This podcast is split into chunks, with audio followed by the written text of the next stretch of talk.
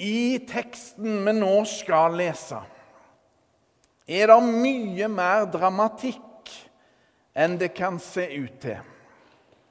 Påskedramatikk.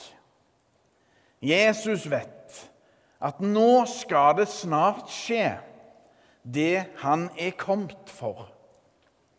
La oss høre Herrens ord. Gud være lovet. Halleluja, halleluja, halleluja. Det står skrevet i evangeliet etter Johannes. Det var noen grekere blant dem som var kommet for å tilbe under høytiden. De gikk til Philip, som var fra Betsaida i Galilea, og sa, 'Herre, vi vil gjerne se Jesus.' Philip gikk og fortalte det til Andreas, og sammen gikk de og sa det til Jesus. Jesus svarte, 'Timen er kommet da menneskesønnen skal bli herliggjort.' Sannelig, sannelig, jeg sier dere, hvis ikke hvetekornet faller i jorden og dør, blir det bare det ene kornet. Men hvis det dør, bærer det rik frukt. Den som elsker sitt liv, skal miste det. Men den som hater sitt liv i denne verden, skal berge det og få evig liv.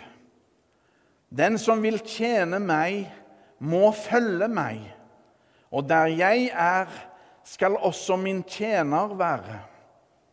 Den som tjener meg, skal min far gi ære.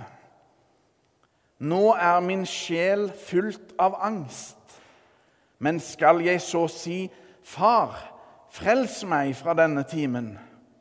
Nei, til denne timen skulle jeg komme. Far, la ditt navn bli herliggjort. Da lød det en røst fra himmelen. Jeg har herliggjort det og skal herliggjøre det igjen. Mengden som sto omkring og hørte dette, sa at det hadde tordnet. Andre sa det var en engel som talte til ham. Da sa Jesus, denne røsten lød ikke for min skyld, men for deres. Nå felles dommen over denne verden. Nå skal denne verdens fyrste kastes ut. Og når jeg blir løftet opp fra jorden, skal jeg dra alle til meg. Dette sa han for å gi til kjenne hva slags død han skulle lide. Slik lyder det hellige evangelium. Gud være lovet. Halleluja, halleluja, halleluja.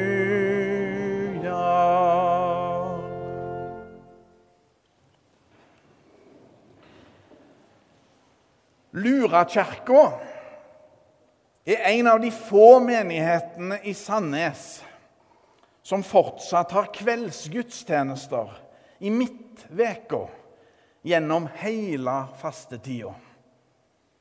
De er alle små åndelige pustepauser i hverdagen.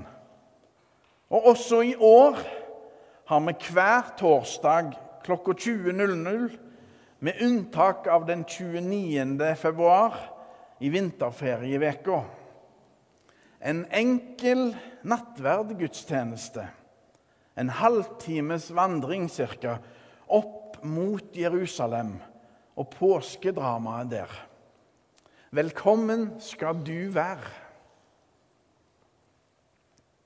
Jesu ord er fulle av innhold. Hvis ikke hvetekornet faller i jorden og dør, blir det bare det ene kornet. Men hvis det dør, bærer det rik frukt. Dette er sannheten om Guds rike. Og det er sannheten om livet. Jesus snakker annerledes enn sine venner.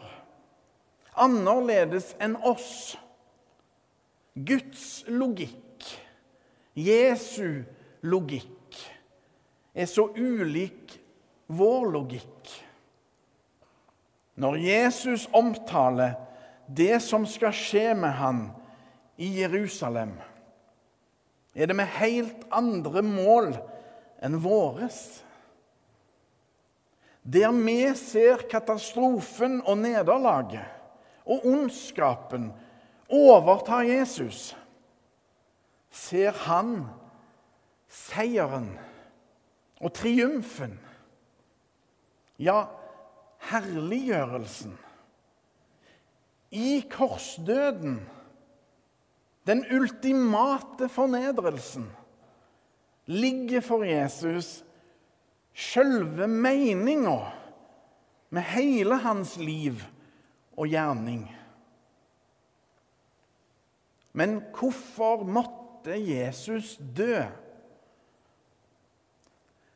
Det spørsmålet er det mange som har undra seg over. Og så regner en med tre tolkningsmodeller. Den klassiske forsoningslæren sier at Jesus seira, triumferte over all synd og ondskap i sin død og oppstandelse. Det er der forsoningen skjer. Guds sønn, med sin guddommelige kjærlighet, vinner oss tilbake til seg. Viktor Jesus, seierherren Jesus. Nummer to er den såkalte objektive forsoningslæren, som dreier seg om at Jesus tok på seg Guds rettferdige straff over synda og ondskapen. At regningen måtte betales på et vis. Forsoningen skjer i hans død, til alle tider. Jesus måtte lide og dø for å bringe balanse i regnskapet. Den tredje forsoningslæren kalles for den subjektive. Gud er kun kjærlighet, og forsoningen skjer inne i den enkelte, i hjertene, i troen på Jesus. Nå har jeg vært veldig generelle her, for å si det enkelt. Men kanskje har de rett, alle tre. Hver på sin måte. Som tre forskjellige lyskastere som setter lys på Jesus og hans død på korset. Fra hver sin vinkel, på et vis. Felles for de alle er at de ser på Jesus Kristus som et offer. Uansett er frelsesverket et mysterium, større enn vi kan ane. Jesus går inn i katastrofen med åpne øyne for å bære frukt. Jesus taler om det avgjørende øyeblikket i sitt liv. Sitt livs kjernepunkt. Han skal bli tatt til fange, han skal lide, og han skal bli drept. Eller som han sier det sjøl til denne timen skulle jeg komme. Han skal gå inn i lidelsen og døden. Og Jesus kaller det for herliggjørelse. Hmm. I Guds rike er det meste snudd på hodet. I Guds rike omgjøres de minste til de største. De siste blir de første. Alt på grunn av Jesus og det han gjorde for oss. Hos Jesus blir alle sett og verdsatt. Jesus er sjøl det hvetekornet som må legges i jorda for å bære rike frukt. Han går sjøl ned i det djupeste djupet for å berge oss til seg. I Jesus ofrer Gud seg sjøl. Guds kjærlighet er heil og ekte og sterke. Den seirer over dødskreftene og gjenoppstår i triumf den tredje dag. Rike frukt. Det går ei linje fra Jesu ord den gangen og til oss her i Lurakirka. Her og nå. Lille Sigurd, dagens dåpsbarn, er vår menighets aller nyeste medlem. Han ble båren inn i kirka på omsorgsfulle armer. Lagt inn i Guds fullkomne kjærlighet overøst med himmelvann.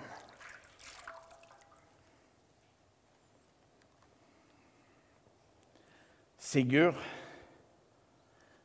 måtte du alltid få leve i tro og tillit til Jesus Kristus. Han som i dag har satt sitt eiendomsmerke på deg for evig og alltid. Å leve i dåpens nåde, tjene Gud og mennesker, bære frukt Det gjelder for oss alle. I nattverdmåltidet får vi næring til troen vi fikk i dåpen.